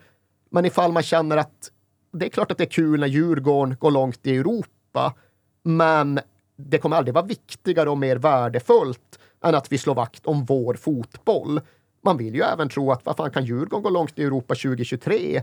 Då kan väl vilken svensk förening som helst göra det 2026 också. Det behöver inte omöjliggöra möjligheten att konkurrera. Men så här, hur kan vi optimera, hur kan vi utveckla, hur kan vi göra eh, slagkraften ännu starkare från svensk fotboll rent sportsligt med de här Exakt, förutsättningarna? nu är det de här förutsättningarna. Ja. Det har svensk fotboll bestämt för den är medlemsstyrd och det här tycker medlemmarna. Så nu får vi lov att finna oss i det. Nu kan vi inte vara Jesper Jansson som i frustration går ut och säger att ah, men vissa viktiga, men ni kan väl hålla på och latcha med er medlemsdemokrati när det egentligen inte betyder något. Men viktiga frågor, ah, det får vi lov att lyfta till syr. Nej, det, så funkar det inte och det är en jävla tur och det är jävligt bra. Det är inte för att idiotförklara Jesper Jansson, som sagt Ja, utifrån... men han finns ju där i, i liksom den andra ringhörnan. Exakt, Han men vill, det är han vill på stänga, killen. han vill Han- stänga gymnastiksalarna för medlemsmöten. Exakt. Det. Men det är återigen, det är inte för att han vill profitera på fotbollen, hur Han vill tillsvidareanställd utveckla. han är. Han vill, förbättra, ja. exakt, han vill förbättra utifrån sin Han känner sig säkert begränsad i, i sin roll. Att så här, jag vill bara så här. Helvete vad vi skulle kunna göra grejer då. Det finns också en annan komponent i genväg. den andra kraften. Det är domarna. Jag tänkte säga det. För Eh, vill ju alltså såklart så ha svenska domare i, stor, i stora ju- mästerskap. Ja. Det vill väl alla svenskar? Ja, nej, och vi ska liksom sätta en lista. Okej, här är fotbollens hundra viktigaste frågor. Var sorterar vi in den? Ja, ja, jag tycker, Ja, den är det, var, inte med. det, var ett, det, var, det var ett häpnadsväckande engagemang från domarna i den här frågan. I deras tro på att det här är någonting folket liksom delar. De ska upp på barrikaderna Vi och så ska måste ha stå där. svenska domare i Europa League. Jag fattar, de bara klättrar upp på muren med sin högaffel och så vänder de sig om och så fan, det är inte en käft som har följt med. Alltså. Det är som Will Ferrell-streaken i, eh, vad heter det, Old School-filmen. Jag kan inga filmreferenser, aldrig. Kommer du ihåg när Will Ferrell springer naken? Jag vet inte vad du pratar om för We're film. streaking through the quads into the gymnasium. who's, who's, who's streaking? Everybody. Så vänder han sig om så är det bara han som springer naken på gatan. Det låter som en korrekt parallell. Ja, Men eh, återigen, det är klart att jag fattar att domarna tycker så. Det Mm. gör jag. Men även där så måste ju tyvärr domarna finna sig i att de inte är svensk fotbolls huvudpersoner. Jag säger tyvärr för de har fan ingen enkel utgångspunkt gällande något. Men här är det inte deras intressen som är de viktigaste. Jag tycker också, alltså jag tycker det är jättebra att vi dels nämner Häckens SM-guld som någon typ av liksom, eh, bevisföring för hur många? Tio klubbar? Att vi kan vinna SM-guld. Det går. Fortfarande så gör det ju bevisligen. Ja. Jag vet inte vad Häcken har i omsättning med eller utan Gothia Cup-pengar, men de, det, är inte ett, det är inte ett köpt guld. De har inte vunnit genom sin ekonomiska kraft. Och Djurgårdens eh, Conference League-run bevisar för lika många lag att når vi bara en eh, topp tre-placering och tar oss ut dit, det går. Det går. Alltså det går. Vi är ingen strykpåse som eh, tillhör liksom, eh, Litauen eller Färöarna och det, det klustret. Vissa skulle säga att ja, men det går ifall du har ett marmorgolv som hemmaplan, men vad fan, de vinner i Belgien, de vinner i Norge. Exakt. Det, är liksom, det är väl bevis. Jag tycker också att ett perspektiv som ska lyftas i denna ganska positiva svenska klubblagsframtid är det ekonomiska, som jag inte riktigt har förstått fram tills bara eh, på, på sistone. Och det har jag lärt mig väldigt mycket av min goda vän då Daniel Larsson som sen eh, han avslutade karriären tagit steget över in i agentvärlden. Och med Dannes ackumulerade erfarenhet från alla hans liksom, klubbskiften, kontraktsförhandlingar och insyn i Cypern, Turkiet, eh. Grekland, Spanien. Alltså länder som traditionellt, i alla fall på 2000-talet, ganska lätt har kunnat hosta upp pengar för allsvenska spelare som gör att klubbarna måste säga ja och spelarna är så här, "Pff, alltså vad fan, jag- jag, jag får fem gånger mer på Cypern eller i Turkiet än vad jag får här hemma. Så det är klart att jag drar. Han, alltså så här, jag, jag, jag förstår nu att svenska klubbar har helt andra muskler att stå emot. Och det är inte för att vi kanske har samlat på oss en jävla massa pengar. Men de andra lagen, de andra länderna, de typer av klubbarna, de lever i en verklighet där det är liksom inget party ute på eh, fotbollssjön och vi står kvar i hamnen och tittar på när alla åker runt i yachter och poppar champagne. Utan det ekonomiska världsläget i kombination med att eh, de här länderna väljer andra typer av liksom strukturell organisation gör att jävligt många klubbar inte längre har de pengarna och jävligt många länder inte har de pengarna de hade för bara 3, 4, 5 år sedan. Ja, du tappar mig lite i båtmetaforerna, men det du säger alltså Nej, men är att, vi, att, vi, att vi väljer liksom att stänga in Sverige gentemot eh, liksom övriga Europa Ja. har inte fått konsekvensen att ja, men då missar vi det ekonomiska tåget och att det är sötebrödsdagar där ute. Ja, de blir inte liksom, vi blir inte svagare vad gäller ekonomisk konkurrenskraft, utan det håller på att torka upp på många Exakt. andra håll. Det kände, tror jag faktiskt att vi pratade om redan för några år sedan. Och då, när jag tvingas till spaningar här så är de ju sällan säkert särskilt eh, träffsäkra, i alla fall inte när det kommer till framtiden. Men jag hade någon idé något år om att ja, men nu kommer svenska klubblagen att börja klättra på rankingen. Och det var mycket utifrån att hela jävla Östeuropa hade, alltså botten hade gått ur östeuropeisk fotboll. Det fanns ingen liga som inte blödde jättekraftigt ekonomiskt. Och det här tror jag väl då kanske är en förlängning av det, att nu har väl den utvecklingen eventuellt sprida sig till ja, några av medelhavsländerna, att det är ännu mer så i ja, Grekland. Cypern verkar ju för sig pröjsa. Fan, Cypern är en av de nya svenskligorna. Men, Men det, det gäller liksom norrut också. Länder som Belgien och Holland har ju i många, många år plundrat allsvenskan på sina bästa spelare. Men idag så är det liksom, det kanske är de två, tre, fyra bästa klubbarna som kan matcha vad allsvenska eh, spelare tjänar idag och vad allsvenska klubbar vill ha. Men de klubbarna vill inte ha allsvenska spelare. De klubbarna har råd att handla från andra hyllor. Är det så? Alltså? Ja. Har inte Heerenveen har ju ändå så här åtta svenska spelare eller någonting. Simon Olsson går ju till Heerenveen. Det Men han ju. jämför man med Danmark till exempel, alltså nu, nu skiljer sig Danmark och Sverige ganska så diametralt i, i, i väldigt mycket. Känns som att eh, alltså, all, allt det här från Danne Larsson måste liksom dubbelkollas. är det verkligen så här? Han har varit agent och, i Svensk- ett år. svensk fotboll och så mår har han bra. sett liksom att så här, fan, Jeremejeff fick jättemycket pengar Eh, och eh, kunde matcha Vitesse när de kom. Och, och då har det, han skapat liksom en sanning av det. Jag tror inte att det är så. Ah, jag- Riktigt så starkt som du liksom målar upp bilden Svensk här. fotboll mår bra. Svensk fotboll mår, mår bra, men du får det att låta som att vi kan liksom stå emot allt från belgiska lag till holländska Nej, lag, till det det jag hela östblocket, hela jävla medelhavet. Det finns de det alltid ligorna. intressant att Jo, det är kolla- så jag eh, tolkade det. Ja, okej. Ja, men det är intressant att se vart flyttströmmarna går, för det finns alltid skiftningar där. Ofta visar visar sig att det har inte så jävla mycket med makroekonomi att göra. Det har att göra med en agent som har fäste någonstans. Men nu är det ju senaste året så har vi ju fler svenskar än tidigare som dels har hamnat just på Cypern. Det är så en jävla massa hamnat i Polen och nu är det ju någon form av Sydkorea eller? Exakt, Sydkorea var det tredje namn jag skulle nämna. Och jag har ingen analys eller slutsats att dra, men jag konstaterar faktumet med intresse. Malmö FFs 2022 går till historien som ett av de absolut skevaste fotbollsåren så pass relativ jätte gjort nationellt. Ja, nu finns det väl gott om jämförelseobjekt med dåraktiga klubbledningar som ställt till det för stora, stora europeiska klubbar i lite mindre europeiska ligor. Men helvete vad de hade allt krattat och klart för ett år sedan och helvete vad ingenting gick rätt under 2022. För då kunde ju utifrån en svensk kontext men verkligen bara peka och välja både när det kom till ja, men, tränare och till spelarrekryteringar.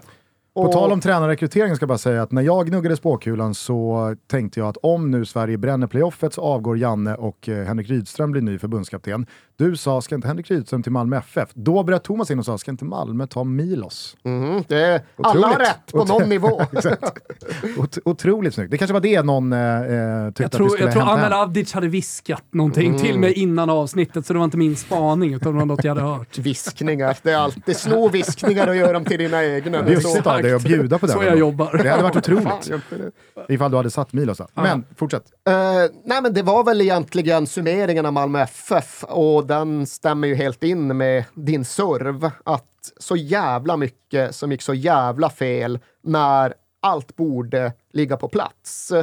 För nu har inte alla spelarrekryteringar i huvudet, men framförallt det de gick in och gjorde under sommaren. Det kändes ju ärligt talat som att den nya sportsliga ledningen kanske stirrade sig lite väl blind på idén om att hitta liksom dolda värden djupt nedgrävda i någon statistikbas där ingen annan kollar så mycket. Och helt plötsligt kommer in en slovakisk mittback som jag fortfarande inte har lärt mig namnet på. Chalos. Som jag knappt har sett spela eftersom att han inte har spelat. Och så kom han Abu Bakari och vilka var det mer som kom? Han, eh, killen De, som kom in borta exakt, eh, mot eh, Union Saint-Gillois och fick rätt kort och kostade ett baklängesmål. Och... De eh, plockade ju någon från eh, Ligue 2 också som skadade sig allvarligt eh, och är borta. Någon mittfältare där från eh, något eh, franskt lag. Ja, men var det inte han som sen kom tillbaka och lirade nere i Belgien och gjorde tidernas sämsta inhopp med liksom ett bjudet baklängesmål och ett rött kort. Det var något i Belgien, kanske var Union Berlin borta förresten. Ja, MFF-arna vet vad vi pratar ja. om. Och det var ändå symboliskt tydligt just för ja, men någon värvningsstrategi som i alla fall jag inte hängde med i. Och jag uppfattade nästan som att det var drivet av att hitta någon form av spetsegenskaper som syntes långt nere i något scoutingverktyg och som just gjorde att det värvades på ett sätt som var ganska svårt att förutse. Jävlar man behöver Anel Avdic som viskar i ens öra att de ska ta Charlos. Liksom. Det är inte mm. direkt det man själv ser framför sig. Men jag inbillar mig att det var ett lite nytt värvningstänk som var... Idén var att just hitta mervärde utifrån ett bredare nät. Liksom. Det fanns en potentiellt större fångst att hova in ifall man vågade just värva på nya marknader. Och man tyckte väl sig ha kompetens och liksom organisationskraft för att göra det. Men det gick ju totalt, totalt fel. Ingenting gott kom ur det. Men får jag bara fråga, ni som har bättre koll på allsvenskan. Alltså vi pratar mycket om eh, den svenska föreningsdemokratin och att det är supportrarna som är med och styr. Eh, och eh, det känns stabilt rent strukturellt och organisatoriskt sådär, att det inte kan komma in någon maktgalen. Och så finns det några undantag som kanske bekräftar den regeln, men eh, framförallt med Kindberg som har kommit in och liksom gjorde Östersund till sin stad, sin klubb. Eh, men finns det inte exempel på det här i Georgsson, att det fortfarande är möjligt i, i de här eh, annars demokratiska klubbarna att eh, nej, men det blir lite maktkamper och det finns maktgirighet som, som personer utnyttjar. Ja, ja, nej, nu klart. kanske jag är helt ute och cyklar på de namnen jag nämner, men det skiter jag i. Ja, det ena utesluter ju inte det andra, för det är ju liksom inte så att årsmötet ska rösta fram en sportchef, utan liksom bolagiserade elitidrottsnischer. De har ju sin beslutsgång och de har sina styrelser och de fattar sina beslut. Så det är inte så att vår modell eh, om inte gör alla maktkamper. De kommer fortsätta. Tur är väl det. Vad fan skulle vi annars verkligen. snacka om? Men eh, grejen är att jag vill ju tro gott om Georgsson. Jag har ett väldigt bra intryck av honom. Jag känner honom inte personligen och har liksom inte en djup insyn i hur han tycker och tänker och driver. Men Han jag- tog många roller under det här året. Ja, tyvärr blev det väldigt många fel. De tog även tillbaka Robin Asterhed då, som hade varit i Värnamo och verkligen bidragit till att ta upp dem i allsvenskan. Och han och Georgsson är liksom tätt sammanlänkade. Och han skulle väl just få någon form av övergripande rekryteringsansvar. Långsiktigt. Och, Ja. ja. men det blev ju inget bra. Och nu i dagarna så är Georgsson Ja, återigen då liksom ja, strategiskt swappad någonting. med eh, Daniel Andersson. Ja, men jag såg lite på den där intervjun, att eh, Mm. Daniel Andersson jobbar från nu till eh, om sex månader och Georgsson jobbar perspektivet fem år. Och Jag tror att det var så de uttryckte det. Alltså MFF, de har ju gjort jävligt mycket rätt med sina Champions League-pengar och de har ju liksom förstärkt organisation, förstärkt struktur, liksom byggt plattform för framtiden. Men det finns alltid en utmaning med det där att på ett sätt ha för stora resurser. Nu har vi möjlighet att tillsätta 18 stycken utskott och 43 funktionärer och sex beslutsfattare. Och när man liksom skalar upp på det sättet finns det ju absolut en risk att man går vilse. Vem fattar egentligen vilka beslut? Och är det nödvändigtvis bra att ha liksom the, vad heter det? The wisdom of the crowds i alla, att det ska liksom vara fler inne och det ska kokas ihop något konsensusbeslut eller jag vet inte exakt hur ordergivningen ser ut i Malmö, men det brukar ju alltid bli så att när det är lite skakigt, ja då är det återgå till att Daniel Andersson fattar sportliga beslut. och så är det den modellen som gäller. Ja. Men en sak som jag tycker att de har gjort bra med sina pengar, till skillnad från andra klubbar, det är att de har vikt en ganska stor del till en stor flick-damsatsning. Man har startat en akademi. Eh, jag tycker också, ska sägas, att de eh, gör mycket rätt på pojkakademisidan också. Att eh, man, man, man sätter mycket resurser, alltså jämför man det klassiska i dagarna, de senaste månaderna man har pratat om de svenska akademierna kontra eh, de danska till exempel, att de har heltidstränare på även de yngsta akademilagen. Alltså så här, och det, det förstår ju alla och all forskning säger bra utbildning lägre ner i åldrarna får du bra fotbollsspelare i slutändan, selekterar eller inte. Men i, i, i, där, där gör ju Malmö också väldigt mycket, lägger stora resurser på sin, sin akademi, både pojk och flick och eh, har då tagit det här damlaget som man ville köpa en gång i tiden men ändå tagit dem från division Och 4 det var ju- och eh, är division 1 nu. Där var det ju medlemsdemokrati som såg till att det blev just bygga underifrån, bygg från grunden. Vi ska inte runda några hörn här. Nej, exakt. Och när det sen kommer till just pojk, flickakademiverksamhet så är det klart att går man till Champions League och drar in en halv miljard, ja då finns det möjlighet att tillsätta många. Så där använder de resurserna på ett bra sätt. Men innan Gusten blir desperat av uttråkning här så vill jag ändå säga att där har de ju, om jag har förstått saken rätt, gjort ett jäkla omtag haft ett omtänk vad gäller egentligen hela deras utbildningsverksamhet, där de verkligen har gått till ja, men en ny typ av utbildning och ska vi göra det enkelt för oss, liksom Barcelona-skolan, possession-fotboll, de ska lära sina unga killar och tjejer att just stå för de här liksom passningstrianglarna och liksom kunna driva match genom egen skicklighet. Och där har just Georgsson och Asterhed varit drivande. Det är en stor förändring som det kanske inte snackas så mycket om för att ja, man, vem bryr sig om strategiska omtag på tolvårssidan? Men jag tror att det är symboliskt, det ligger i tiden, det är intressant om man så vill att knyta till en bredare diskussion om ja, men vad som händer med svensk fotboll. Hur ska vi utbilda våra spelare? Varför gör landslaget så dåliga resultat? Jag tror att det går att dra en parallell hit. Och sen är det upp till var och en att liksom bedöma vad som är bra och vad som är dåligt. Men om jag bara får göra en halsbrytande kullerbytta in på landslagsfotbollen så tror jag Fuck you med mitt lilla köris här. Ja, exakt, men det, det tillför ju någonting. Det glädjer ju oss alla. Ja. Ja. men jag tror att det finns en slutsats att hämta, inte en värdering, men en slutsats i att svensk herrfotboll hade en jävla konkurrensfördel i 40 års tid av att hela fotbollsnationen sysslade med vårt gammalmodiga 4-4-2. För uppsidan var så tydlig att alla skolades på samma sätt, alla förstod samma saker, alla hade med sig samma grundprinciper. Du kunde göra fyra år i Vitesse, det satt ändå när du kom hem, för det var det du var uppvuxen och uppfostrad med. Det var den här liksom eftersträvade röda tråden som hade tillåtits bli helt liksom, hegemoniskt dominant i svensk fotboll sen Bob och Roy vann systemstriden och så var det sen i 40 år. Och det skulle problematiseras, det skulle ifrågasättas. Det var något som höll oss tillbaka på vissa sätt.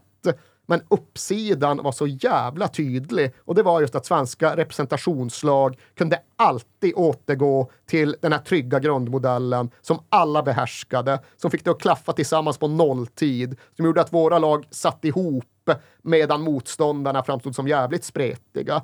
Idag är vår talangutveckling så oerhört brokig. Och Malmö FF, de har gjort det här omtaget. Nu ska de ta fram possession-spelare och varenda akademi har sina idéer. Men mycket har ju de senaste tio åren utgått från någon form av Barcelona-ideal.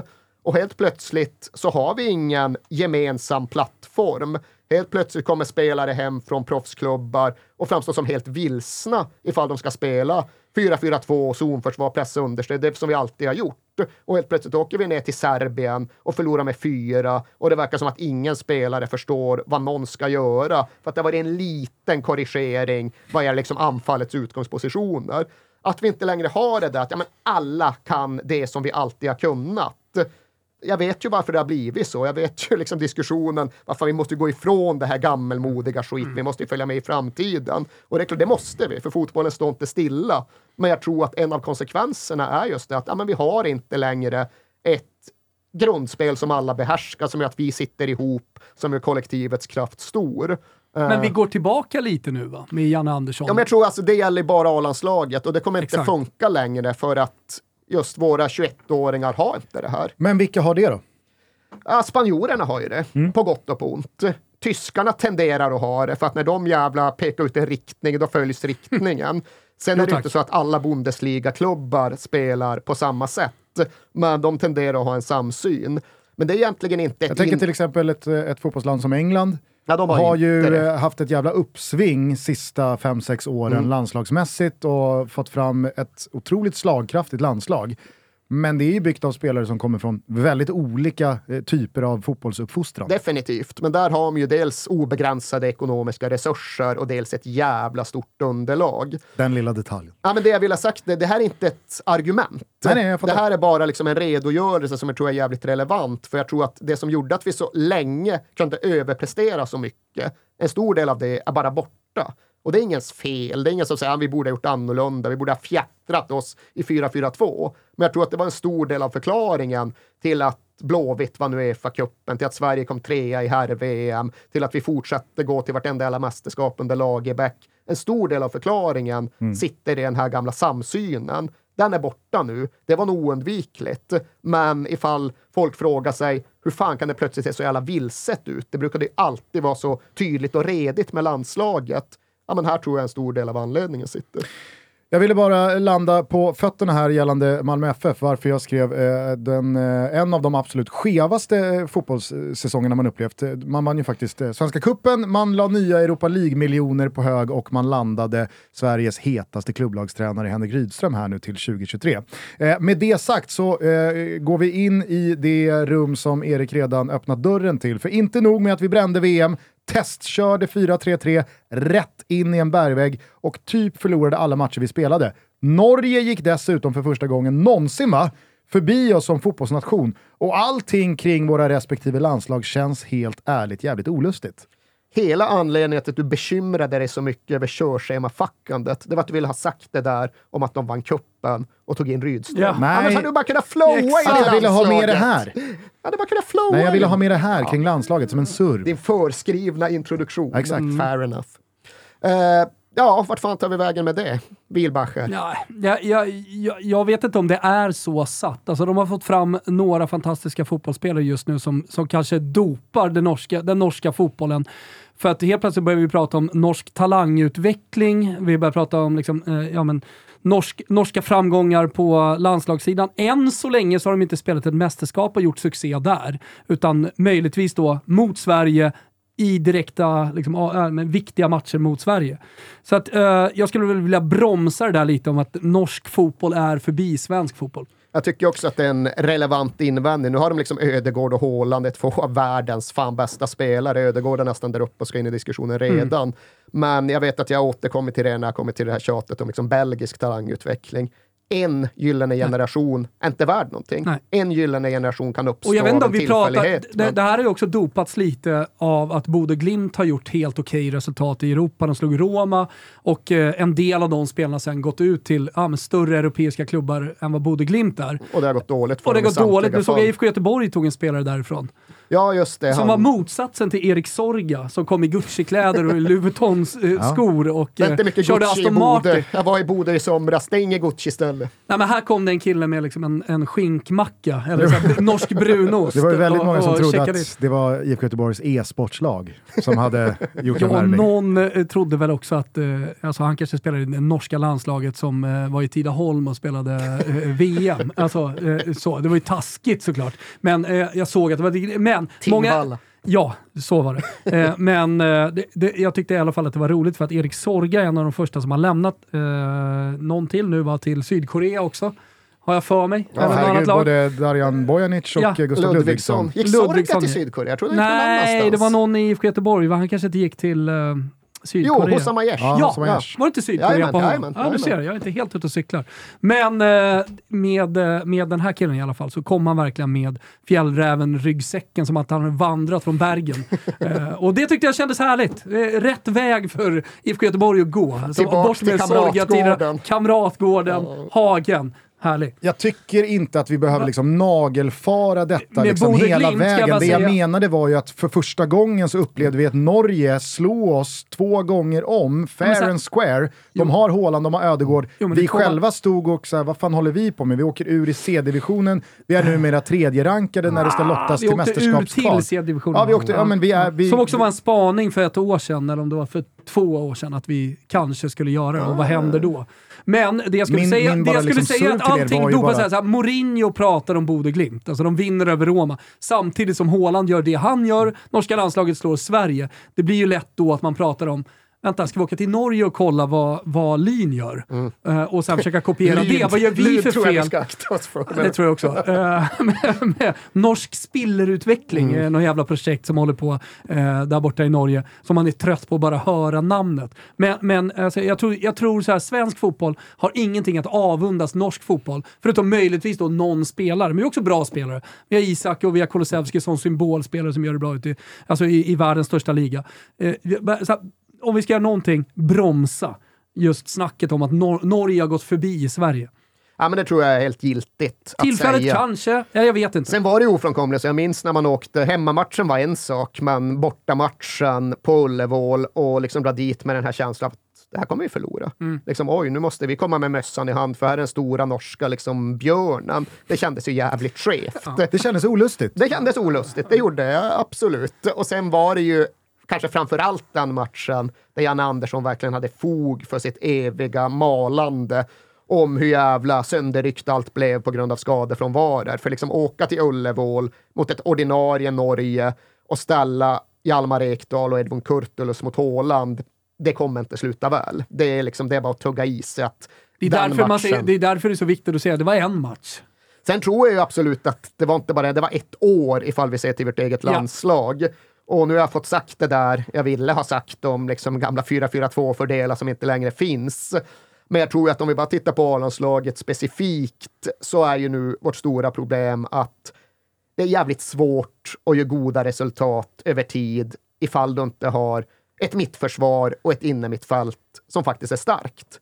Och det har vi ju inte. Alltså hur vi än vrider, vänder och väljer, oavsett om vi spelar 4-4-2 eller 4-3-3, så tycker jag ju att det finns ett jävla problem med att vi inte har ett ordinarie mittbackspar och vi har inte ett ordinarie innermittfält. Och det är lite svårt att se hur vi ska få det. Ska det verkligen hamna på plats, då måste ju Isak Hien ta jättekliv och verkligen cementera sig bredvid Lindelöf. Och det skulle potentiellt kunna bli bra. Samuel Gustafsson är ju redan där.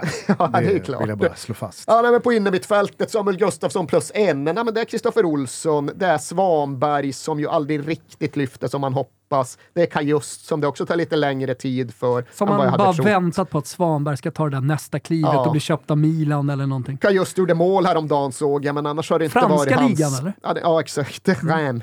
Eh, Just det. Tillsammans med vilken svenskfödd spelare? Oj, Nu är det Håkan Andreasson. vet inte. Just den. Svenskfödd spelare i REM. svenskfödd. Ja, men det exakt. känns Ja, som det en finns- Bosnien. Ja, det finns ju, det finns ju något i det ordvalet. Ja, men eh, skulle fan, alltså, eh, skulle inte det här kunna landa i han eh, eh, från Elfsborg som gick till eh, Holland? Arber Senali. Ja, det, det, Fan, han hade kunnat varit i Rem. ja, men du har ju rätt på, Helvete. ja, men det är rätt. Men Är du har det fel rätt? på namnet, han heter Seneli. Ja, Men du får rätt. Du får Jävla, rätt. en jävla Så alla vokal! alla, Olof Lund åker på det.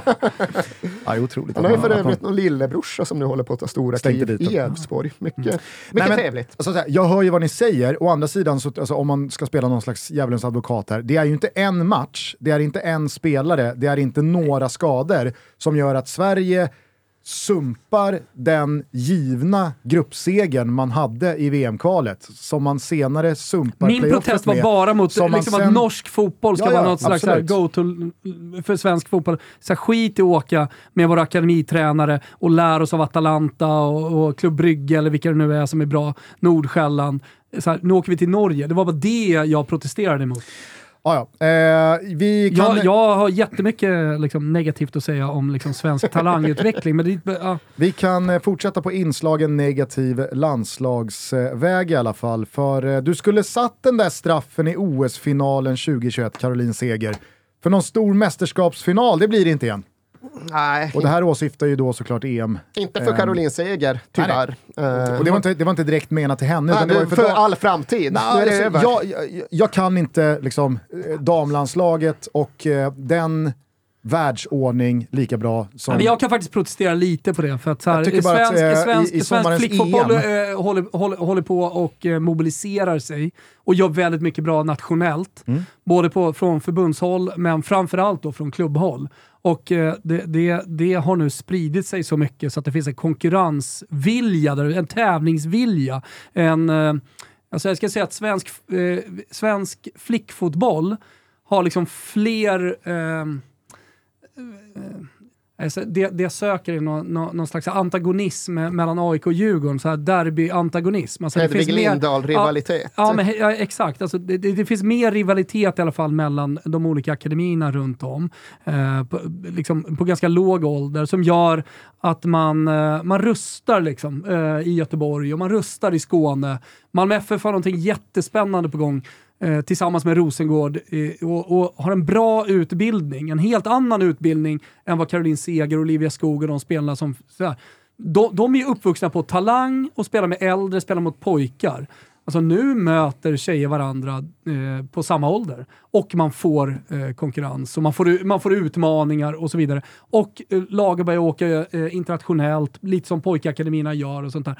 Alltså sve, svensk fotboll kollar man, man kollar fortfarande på svensk flickfotboll väldigt mycket eh, ute i Europa. Sen är det klart att så här, när Barcelona, Juventus, de engelska toppklubbarna mobiliserar, ja men det är klart det händer någonting. För att de har redan alla resurser, de har planer, de har eh, välutbildade coacher eh, som de kan sätta på de här lagen. Men det behöver inte så- nödvändigtvis vara negativt för liksom damlandslagets konkurrenskraft, för det är ju en sån jävla förändring de senaste tre fyra åren. Vi måste ju ha 50 utlandsproffs idag. Ja. Och det är ju utlandsproffs som spelar i den typen av resursstarka klubbar. Och det gör väl att man ändå har kvar en tro på att fan, landslaget borde väl vara konkurrenskraftigt. Sen vet jag inte vad flicklandslagen gör för resultat. Ja, men gör bra resultat, eh, det, det gör de helt klart. Eh, Och så, det- så att svensk fotboll står sig stark från flick, eh, flickor 15 eh, och uppe på, på, på landslagen. Men jag, jag, jag tycker att det, det intressanta är ju dels hur, de allsvens, alltså hur allsvenskan kommer stå sig de kommande tre åren, om vi kan fortsätta behålla Champions League-platser på det sättet som vi gör. Eh, och eh, eh när vi kommer ut i Europa så går vi till de stora klubbarna eh, och gör skillnad. Stena Blackstenius, Arsenal, eh, Rolfö och så vidare. Alltså kan vi fortsätta fostra den typen av spets, då kommer vi fortsätta vara med också i toppen på lands i landslaget. kunna gå till stora finaler. Däremot så blir det inte lika lätt som det har varit tidigare. Men den stora konkurrensfördelen som Sverige har fortfarande, även jämfört med liksom stora klassiska herrnationer i fotboll, det är ju eh, att många fler unga tjejer börjar spela. Och i slutändan så finns det liksom en eh, algoritm som funkar eh, för att få fram bra fotbollsspelare, det är att man ska få in väldigt, väldigt, alltså ju fler vi har Många som börjar, systemet, ja. få många behålla så, så många som möjligt i systemet, så långt upp i åldrarna som möjligt. Och där är vi, där är vi fortfarande, eh, jag ska inte säga att vi är bäst i klassen i Europa, men jag tror att vi i alla fall är i toppen där. blir man lite upplyft eh, här eh, över hur, hur framtiden verkar se ut. Och jag har gärna fel. Det, det jag liksom byggde det här på, det var att jag är uppvuxen i en damfotbollsordning där det svenska landslaget mer eller mindre alltid var en finalkandidat oavsett om det Jo, var EM eller VM anledningen vi till gick det är in att det i. inte fanns konkurrens riktigt, Ja, ska exakt. sägas. Och liksom. eh, på senare Nu år, och jag tycker att det blev väldigt uppenbart i somras, Mm. så var det tre, fyra, fem lag som jag med blotta ögat kunde se på bara några matcher. Det här är en annan nivå. Och den där semifinalöverkörningen som vi åkte på tyckte jag markerade att okej, Sverige kanske inte är en finalkandidat de kommande Ja, mästerskapen. här, vi, är bättre, liksom- vi är bättre än den matchen ska sägas, alltså individuellt och kollektivt som lag. Så att det, Mm. det var en dålig match, verkligen. Sen så eh, är det ju som du säger, det är viktigt att flagga med varningsflaggan här. eh, För om vi inte satsar eh, resurser på svensk flickfotboll, då kommer vi bli omsprungna. Den, det- den saken är klar. Det är jävligt intressant ändå hur den här breddningen av fotbollsvärlden på damsidan har gått till, för den har ju skett lite i etapper. Det är liksom en raket i taget som skjuts iväg på något sätt. Engelsk damfotboll var ju för tidig, men sen sjönk det ju ner i något träsk i många årtionden. Men sen sköt den fart igen, ja, man säger början av millenniet. Då blev liksom det engelska landslaget att räkna med. Under ganska många år så var det ju de skandinaviska och så Tyskland. Det var ju det. Och kollar man ut i världen, USA och sen Brasilien. Men i Europa, då kom England tillbaka, så då var de med i diskussionen. Sen sköt ju fransyskorna iväg, så helt plötsligt var de ett ja, men finallag. Och Spanien kom ju i alla fall i mina ögon rätt mycket från ingenstans på ganska kort tid. Och nu är de i hög utsträckning världsledande. Nu väntar man på Italien, för de lär ju snart också trycka sig upp Definitivt. och förbi. Och det kommer liksom, ja, det blir fler och fler, men de kommer lite i etapper, lite ryckigt sådär. Men nu kommer jag från ett år där jag rest med, ett, liksom, med, med min dotters Hammarbylag och mött eh, de eh, bästa franska akademierna, de bästa spanska akademierna, de bästa tyska akademierna. Så pratade till exempel med Bayern Münchens U16 eh, Eh, tränare och deras akademichef. De börjar med, första Bayern München-laget är 15-åringar Jaha. eh, på flicksidan. De, de har inga yngre. Och För jag frågar, nej, för, alltså så här, det, det finns liksom ingen riktigt eh, eh, material, det finns inga spelare. Så frågar var är alla tjejer då som spelar fotboll? Så, ja, de få som spelar fotboll spelar med, eh, med pojkar. Jaha. Och eh, det är klart det finns flicklag, och, sådär, men, men de bästa spelarna spelar med pojklag och, och de hittar vi i Bayern eh, när, när vi åker runt med våra pojklag och spelar och så möter vi eh, ett lag som har en jävligt bra tjej och så rekryterar vi henne till när de är 15-16. Eh, så, så att jag menar, så man tror att de är, eh, ligger så långt fram ute i Europa. Och, men jag har sett BP-lag slakta franska lag.